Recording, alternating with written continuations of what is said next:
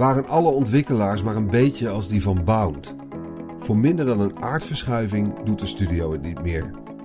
Geschreven door Arthur van Vliet voor Laatscherm.nl. Ingesproken door Arjan Lindeboom.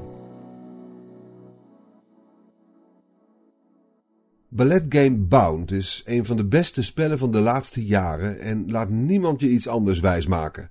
Het is nu wachten op een nieuw project van ontwikkelaar Plastic Studios. Ook voor de studio zelf. De Polen beginnen pas aan hun volgende game als ze een idee hebben dat de wereld gaat veranderen. Als journalist moet je soms gewoon je bek houden.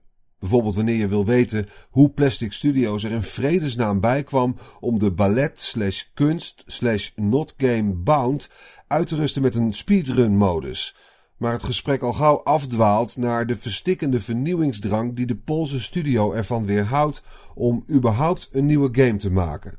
Dit verhaal zou eigenlijk gaan over het aandoenlijke optreden van Plastic bij het speedrun-evenement Games Done Quick afgelopen zomer, waar voor een publiek van vijf man een recordtijd werd gedanst. Ik belde daarvoor hoopvol met Michal Stanisewski, maar tegen de tijd dat ik het woord speedrun erin gooide, waren we al twintig minuten onderweg. Eerst even terug naar augustus 2016. Bound verschijnt exclusief voor de PlayStation 4 en doet eigenlijk alles goed. Met een ballerina als protagonist dansen spelers door een prachtige cubistische glitchnachtmerrie. Tegelijkertijd vertelt de game een treurig sprookje over gezinsleed door de ogen van een kind. De betere recensenten weten de bijzondere fusie tussen klassieke dans, moderne kunst en narratieve platformgame op waarde te schatten. En anderen, ach laat ik het zo zeggen, niet iedereen kiest een beroep waar hij of zij geschikt voor is. Bound is uniek Nooit eerder gedaan. En na mijn drie kwartier met Stanisewski weet ik dat we nooit iets minder mogen verwachten van hem en zijn collega's binnen Plastic Studios. Totale originaliteit is hun modus operandi en als ze niet kunnen vernieuwen, gaan ze wel iets anders doen dan games maken. Met Plastic is Michal Stanisewski sinds 1997 actief in de demo-scene. De studio maakt vreemde titels zoals Datura en Linger in Shadows en voor Bound werd er met Sony's Santa Monica Studio samengewerkt. De game verscheen in het puntje van de staart van de nasleep van Journey, dat in 2012 samen met Dear Esther virtuele verhaalvertelling op zijn kop zette. Vier jaar later was de aandacht voor walking simulators en andere narratieve not games alweer tanende. Gewoonweg nog een Journey-achtige game de markt opslingeren zou commerciële en artistieke zelfmoord zijn, besefte Plastic en Sony Santa Monica. Want ook al was Bound de eerste balletgame ooit, de eerste met deze bizarre esthetische stijl en de eerste die met die elementen een brug sloeg naar een realistisch verhaal, veel meer dan een select groepje gamesnobs zou het er niet meer mee bereiken. Daarom ontstond het idee om een speedrun-modus te bouwen waarin spelers losse levels zo snel mogelijk moesten zien te doordansen. Al vanaf het begin was de vraag: hoe kunnen we een groter publiek aanspreken? blikt Stanisewski terug. We wilden een community bereiken die al bestond, niet een nieuwe creëren. Ik keek al een tijdje naar speedrunners, op Games Done Quick bijvoorbeeld. Ik vind het een superleuke community, veel vrolijker dan e-sports. Het idee was om van Bound een not game te maken die ook de super hardcore speedrun community aansprak. Plastic slaagde in zijn missie. Gamecritici konden het experiment waarderen en Bound kreeg voet aan de grond in de speedrun gemeenschap. Toch was de game een commerciële flop. Stanisewski had er niet bij stilgestaan dat Plastic bij het kijken buiten de eigen niche uit was gekomen bij een andere niche. Ik dacht dat de gemeenschap bestond uit iets van honderdduizend mensen, lacht Stanisewski. Maar het aantal mensen dat de games echt speelt is heel minimaal. Mensen kijken vooral. En een speedrunner focust zich vaak op slechts één of twee games om daar supergoed in te worden. Wij hadden mazzel dat er vier waren die voor Bound kozen. En dat was alles wat er te zeggen was over het speedrun-verhaal. Stanisewski vertelt vooral over het leven na Bound. Hoe Sony Santa Monica Studio bijvoorbeeld de banden met externe onafhankelijke ontwikkelaars doorsneed, omdat de focus op God of War kwam te liggen. Zo kwam Plastic samen met The Chinese Room van Everybody's Gone to the Rapture, Giant Sparrow van What Remains of Edith Finch en mensen van That Game Company van Journey plots op straat te staan.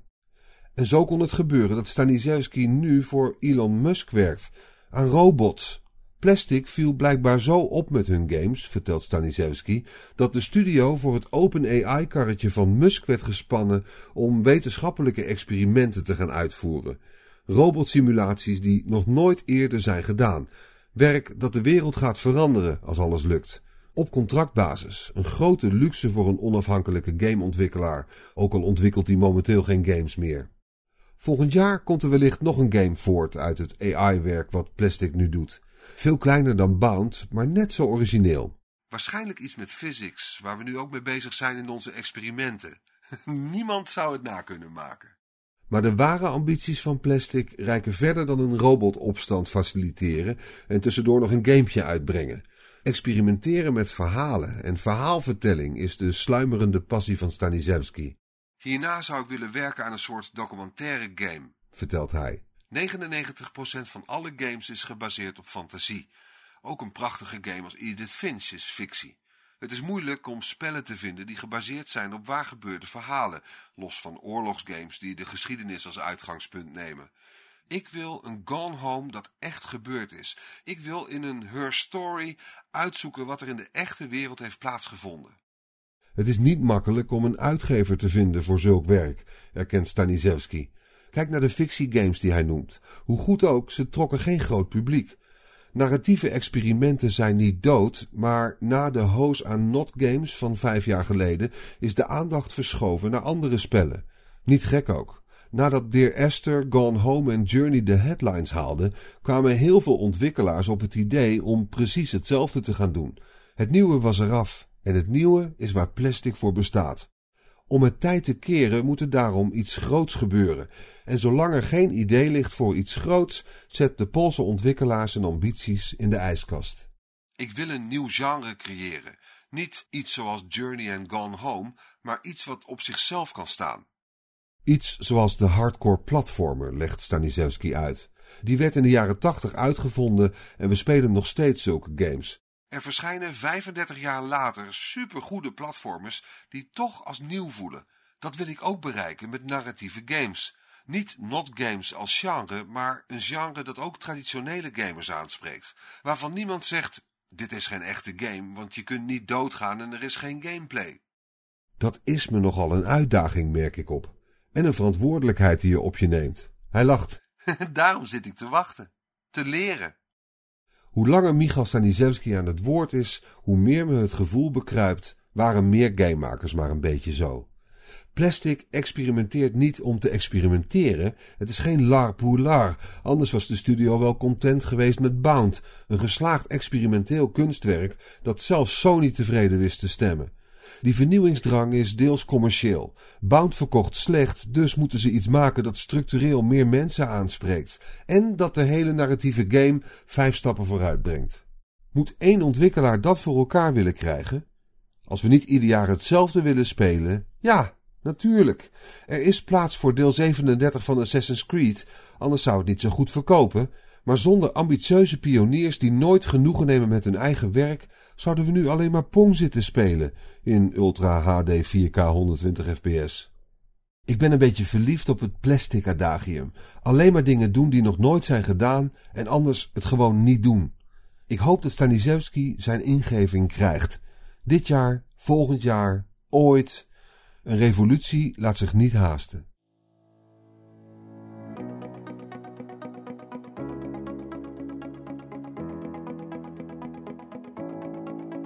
Dankjewel voor het luisteren naar deze aflevering van Laatscherm voorgelezen.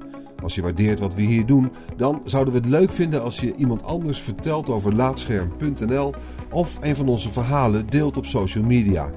Je kunt ook heel eenvoudig 5 sterren achterlaten in de podcast-app van Apple en eventueel een tekstje, waardoor we weer beter vindbaar worden voor anderen.